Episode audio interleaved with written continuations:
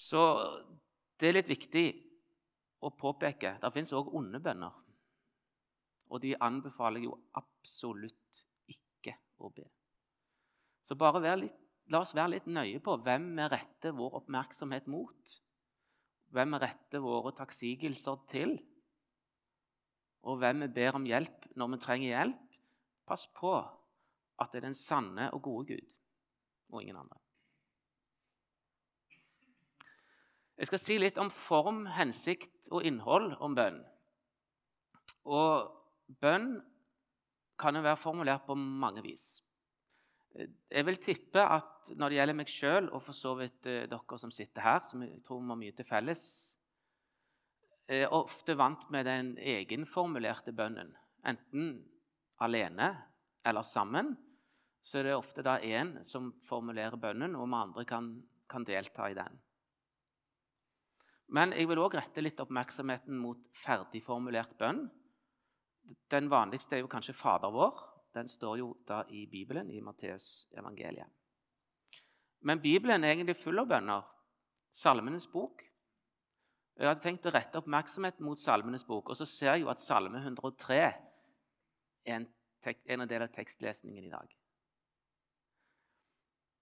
Og jeg har lært da, bl.a. Av, av kona da, at å bruke Salmenes bok som en bønnebok er meget effektivt. Bare prøv. Du kan nærmest velge en salme på måfå, og så kan du be den som en bønn, og det passer veldig godt. Og hvis du velger med omhu, så kan du finne en bønn til nær sagt hver anledning. Du kan finne en bønn til lovprisning, en bønn til oppbyggelse. Du finner klagesalmer. Og du finner nær sagt alt. Bare gå og prøv. Jeg kan ikke gå gjennom alle 150 salmene, men, men eh, vi så her Salme 103. Og Salme 23 er kanskje den mest kjente salmen. Gud, du lar meg ligge i grønne enger, leder meg til bekker med levende vann, osv. Så, det er mye ferdig formulert bønn det er tidebønner, det er liturgi.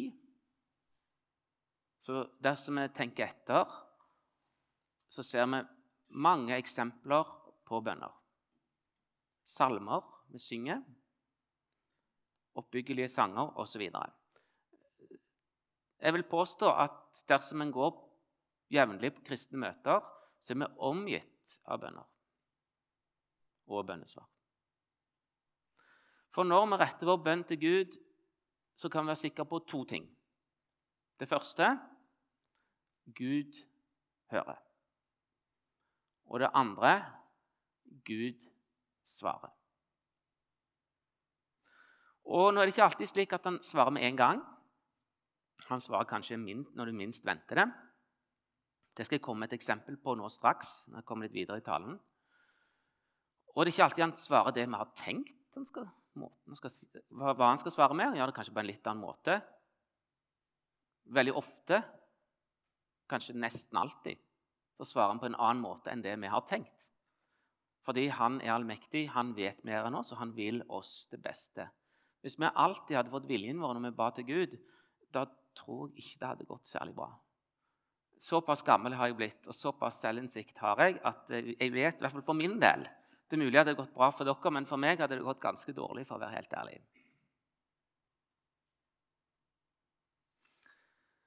Ja, Så det er ulik form og ulik innhold. Jeg skal bare gå raskt gjennom Fader vår. Og det er så raskt at det er absolutt ikke noen teologisk utlegning. Jeg skal bare raskt si hva inneholder Fader vår. Alle kan den utenat, vil jeg anta. Jeg har kommet fram til åtte tema. Først er det Guds hellighet. Så er det Guds rike. Det er Guds vilje. Det er våre behov. Gi oss i dag vårt daglige brød.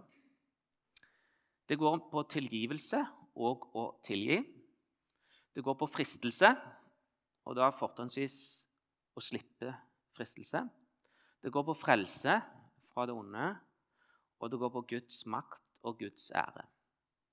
Så hvis vi kan kalle mønster dette for en mønsterbønn, at Fader vår det er selve mønsterbønnen som er gitt oss av Jesus sjøl, så har vi altså flere gode forslag til hva vi kan be om. Vi kan selvfølgelig be Fader vår, og jeg tror at dere i likhet med meg ber den jevnlig. Men all øvrig bønn kan da hente innhold ifra Fader vår. Det er min påstand, og det tror jeg alle kristne er enig i.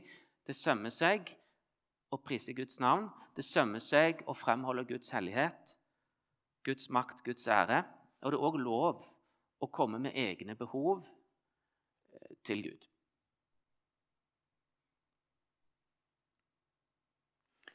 Og jeg har gjort visse refleksjoner om det å synge ut en bønn.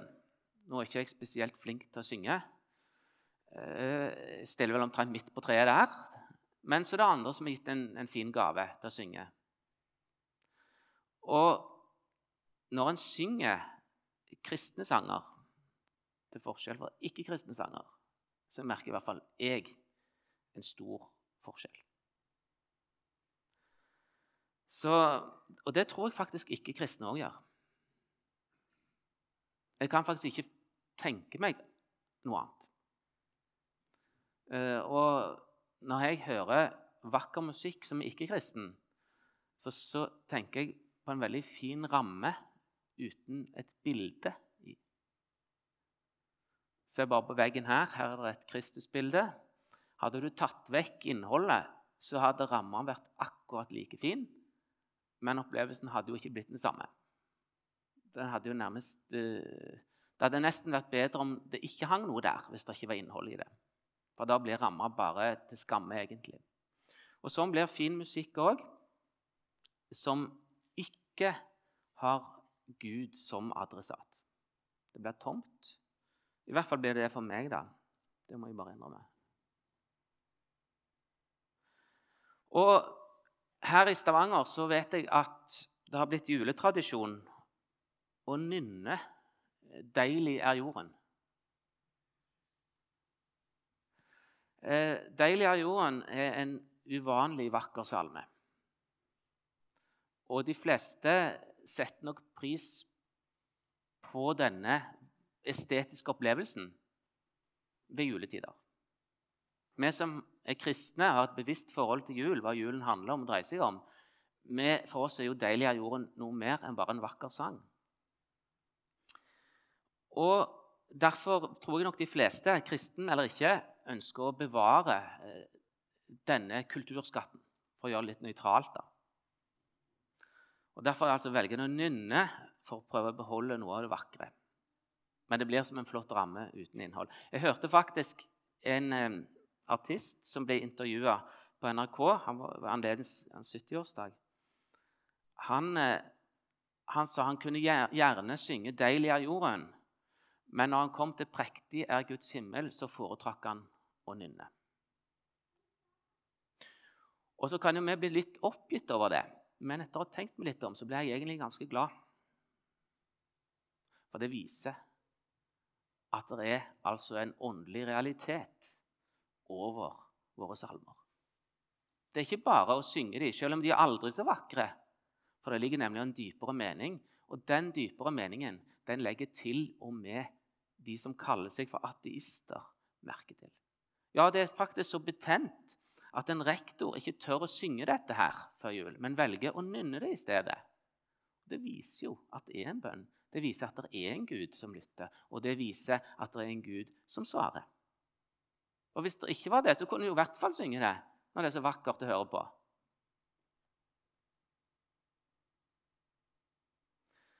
Og så vil jeg komme til ett av de tingene jeg hadde tenkt å gå litt i dybden i dag. Jeg skal lese fra Lukas 18, vers 35 til 43. Og Det er en spesiell anledning til at jeg har valgt akkurat det. da. Det er altså den blinde mannen ved Jeriko. Og det skjedde da han kom nær til Jeriko, at en blind mann satt ved veien og tigget. Da han hørte at mye folk gikk forbi, spurte han hva dette var. De fortalte ham da at Jesus fra Nasaret gikk forbi.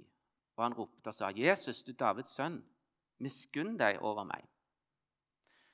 De som gikk foran, truet ham at han skulle tie. Men han ropte enda mye mer, 'Du Davids sønn, miskunn deg over meg.'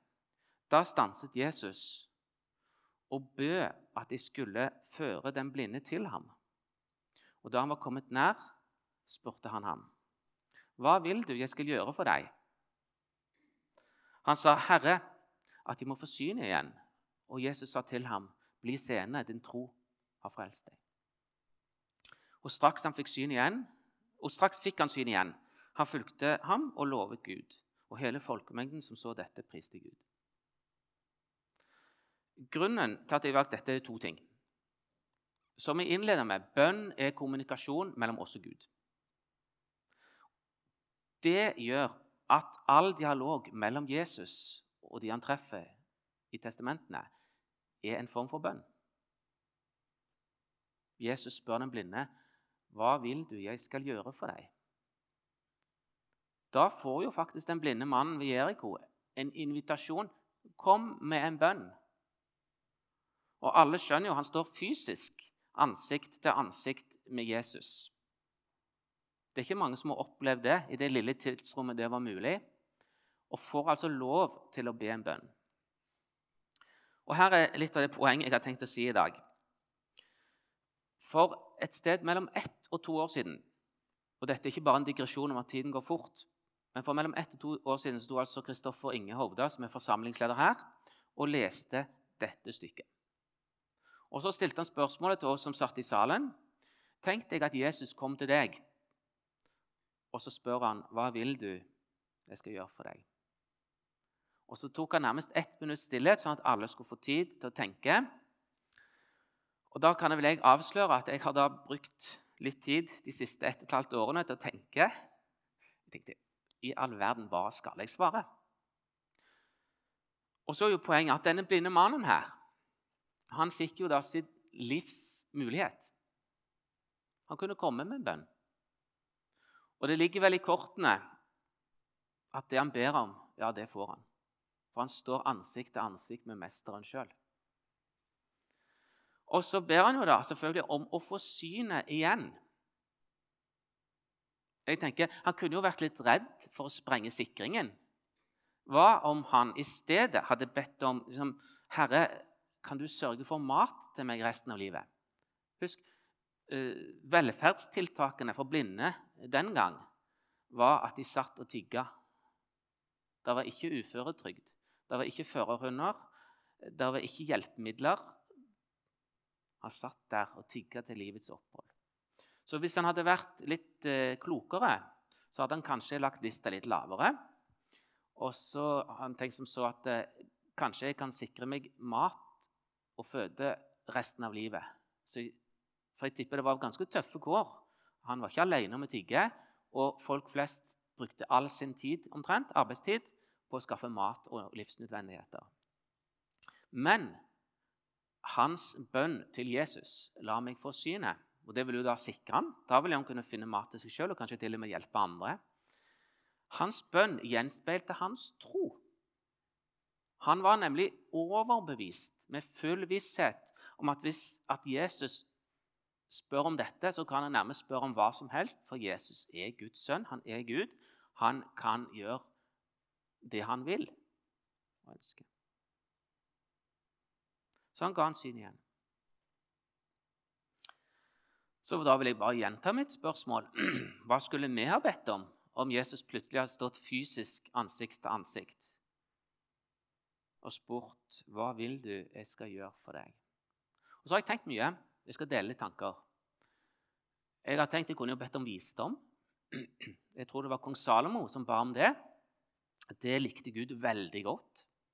Og velsigna kong Salomo med uvanlig mye visdom. Det brakte velsignelse over hans sjøl og over hans folk i svært lang tid. Du må gjerne gå hjem og be om visdom. Men så etter å ha tenkt litt, så kom jeg kanskje en sterk tro. Vi kan jo se på Matteus 8, 5-13. Der får vi se sterk tro. Og Nå røper jeg vel at det var det jeg konkluderte med. da, at Hvis Jesus hadde stått foran meg, så tror jeg jeg ville bedt om sterk tro. Jeg fikk veldig fred for det. Og nå skal jeg lese litt om offiseren i Kapernaum. Matteus 8, 5. Da han gikk inn i Kapernaum, kom en høvedsmann til ham, altså en offiser, og sa, 'Herre, tjeneren min ligger verkbrudden hjemme og har store smerter.' Jesus sier til ham, 'Jeg skal komme hjem og helbrede ham.' Og Dette var altså en romersk offiser.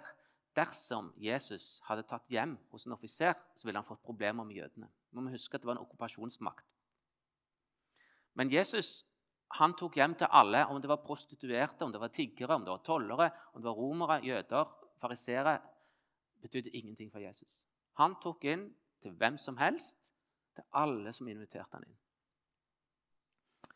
Men så svarer da denne offiseren Herre, jeg er ikke verdig til at du går inn under mitt tak, men si bare ett ord, så blir gutten frisk.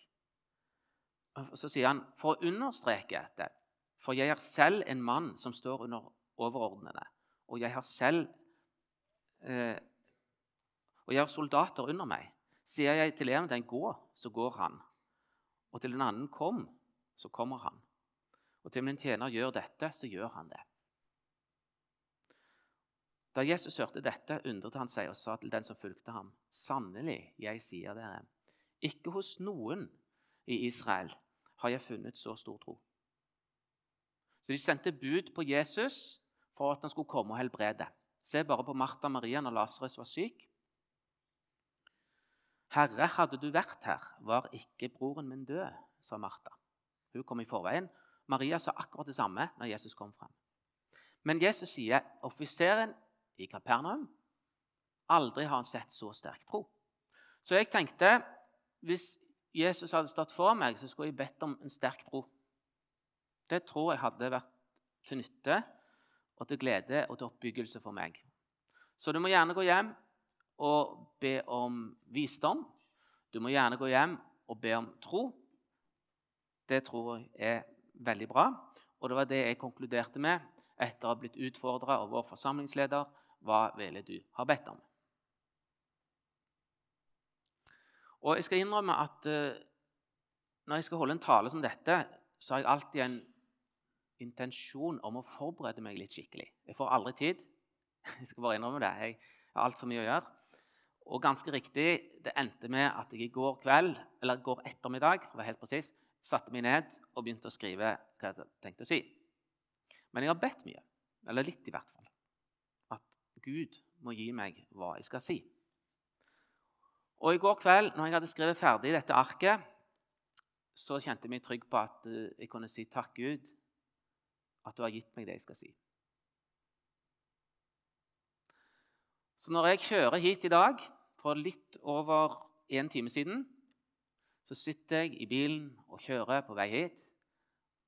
Barna våre sitter i baksetet, og som vanlig så sitter kona ved siden av og leser fra søndagens tekster.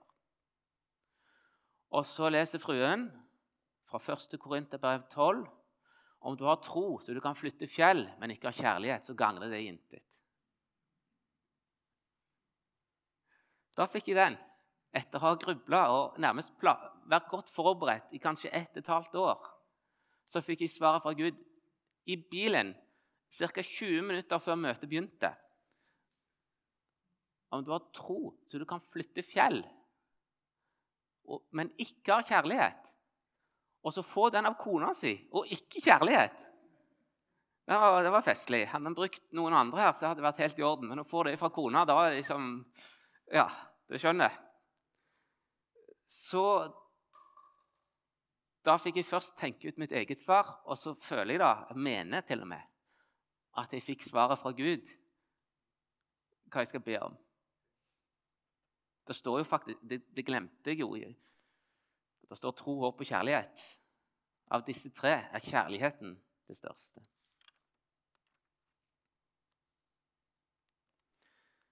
Men jeg vil ikke gi helt slipp på troen heller, da. For vi trenger jo både tro, håp og fremfor alt kjærlighet. Og spesielt kjærlighet de som ikke har fått tro. Så når det gjelder bønn, så skal vi be i tro. Åpenbart. Vi skal be med tro. Hvis vi ikke har tro, så tror jeg du skal velge å tro før du begynner å be. Og vi skal ha håp. Det håp Jesus har vist oss, men vi skal fremfor alt ha kjærlighet. Kjærlighet til hverandre, kjærlighet for de unådde, ikke minst, og kjærlighet til oss sjøl. Elsk det neste som deg selv. Ja, Da må du elske deg sjøl for å kunne elske det neste. Så Av og til egoisme kan jo være litt bra òg, tenker jeg.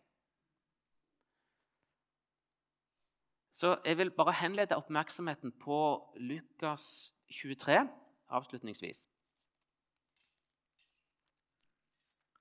Det er på slutten av Lukasevangeliet og handler om korsfestelsen. Da får vi jo den ultimate kjærlighetsdemonstrasjonen, nemlig Jesu kjærlighet, som overgår alt. Og i vers 39-41 så står det om de to røverne. Og La meg bare gjøre en ting helt klart. Det var tre kors ved siden av hverandre. Jesus hang i midten. Han var han var ikke bare uskyldig dømt, han var uten synd. Så noen større bom, et større bomskudd enn å korsfeste Jesus, det tror jeg det er overbevist om ikke har funnet sted i hele menneskets historie. Men la meg òg gjøre det klart at de to som hang på siden av Jesus, de var alt annet enn uskyldige. De korsfesta ikke småtyver, for å si det sånn. Vi kan anta at det var drapsmenn.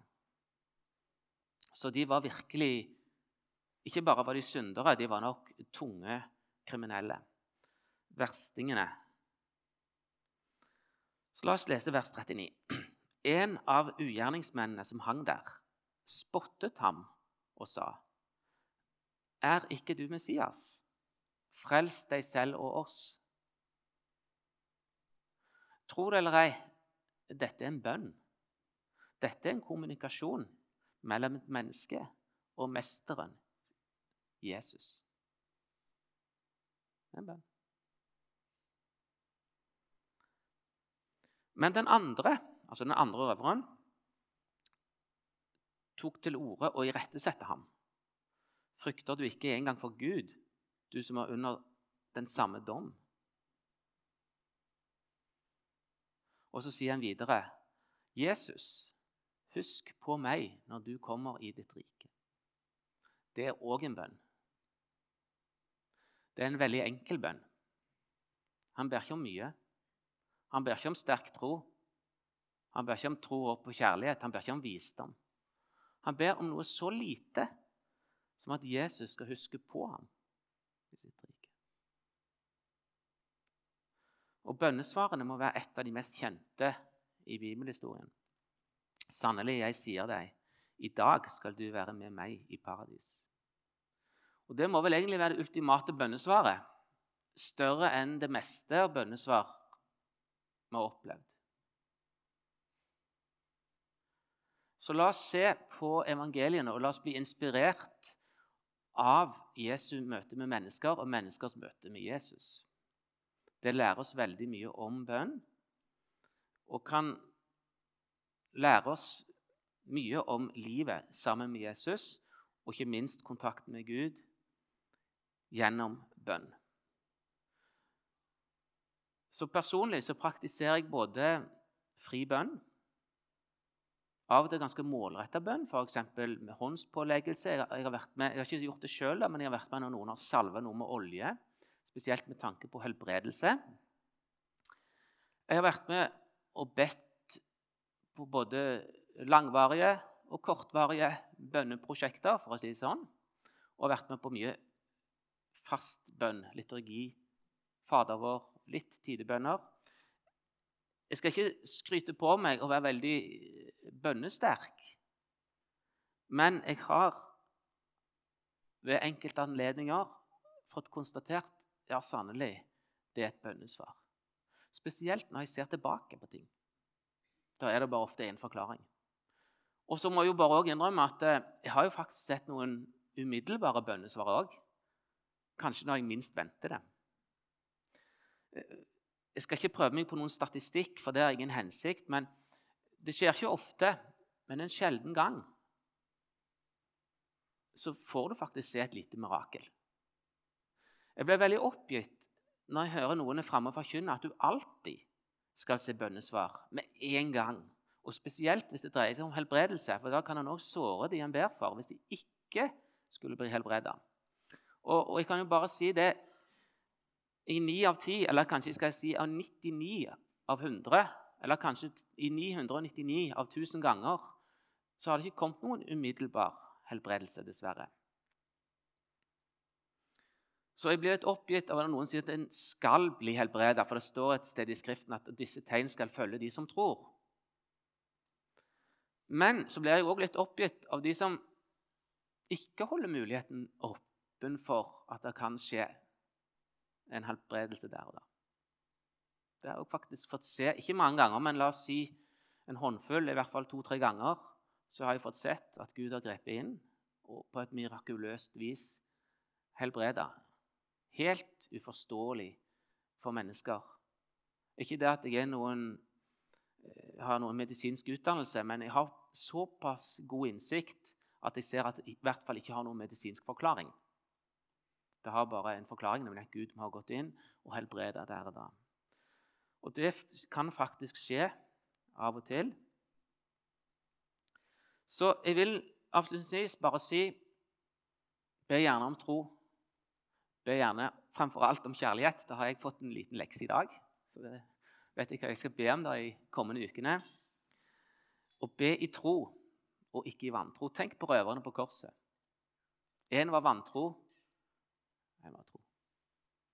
Begge to hang fastspikra og kom ingen vei. De hadde ingenting mer å tape. Og lær av den røveren som var ydmyk og priste Gud. Og en annen ting som også er veldig viktig Prøv å skille mellom føl egne følelser og bønn. Gud hører på uansett hva vi måtte føle. Og vi føler at, eh, at vi er sterke i bønnen vår, og føler at bønnen når til himmelen og sikkert enda lenger. Ja, flott. Gled deg over det. Men om du føler at eh, du makter ingenting, så ikke frykt noen ting, for Gud hører det. Han er jo allmektig. Så om det eneste du orker, er å folde hendene, så hører han det òg. Takk.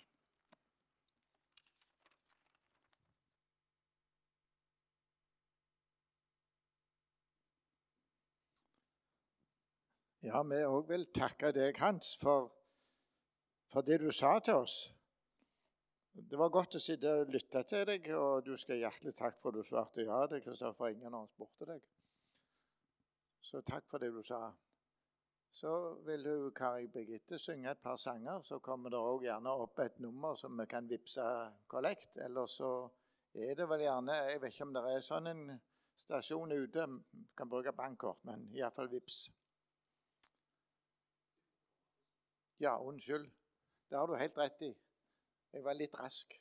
Men vi skal synge en sang først. Du får komme til Jesus, ja. Og så vips vi, da.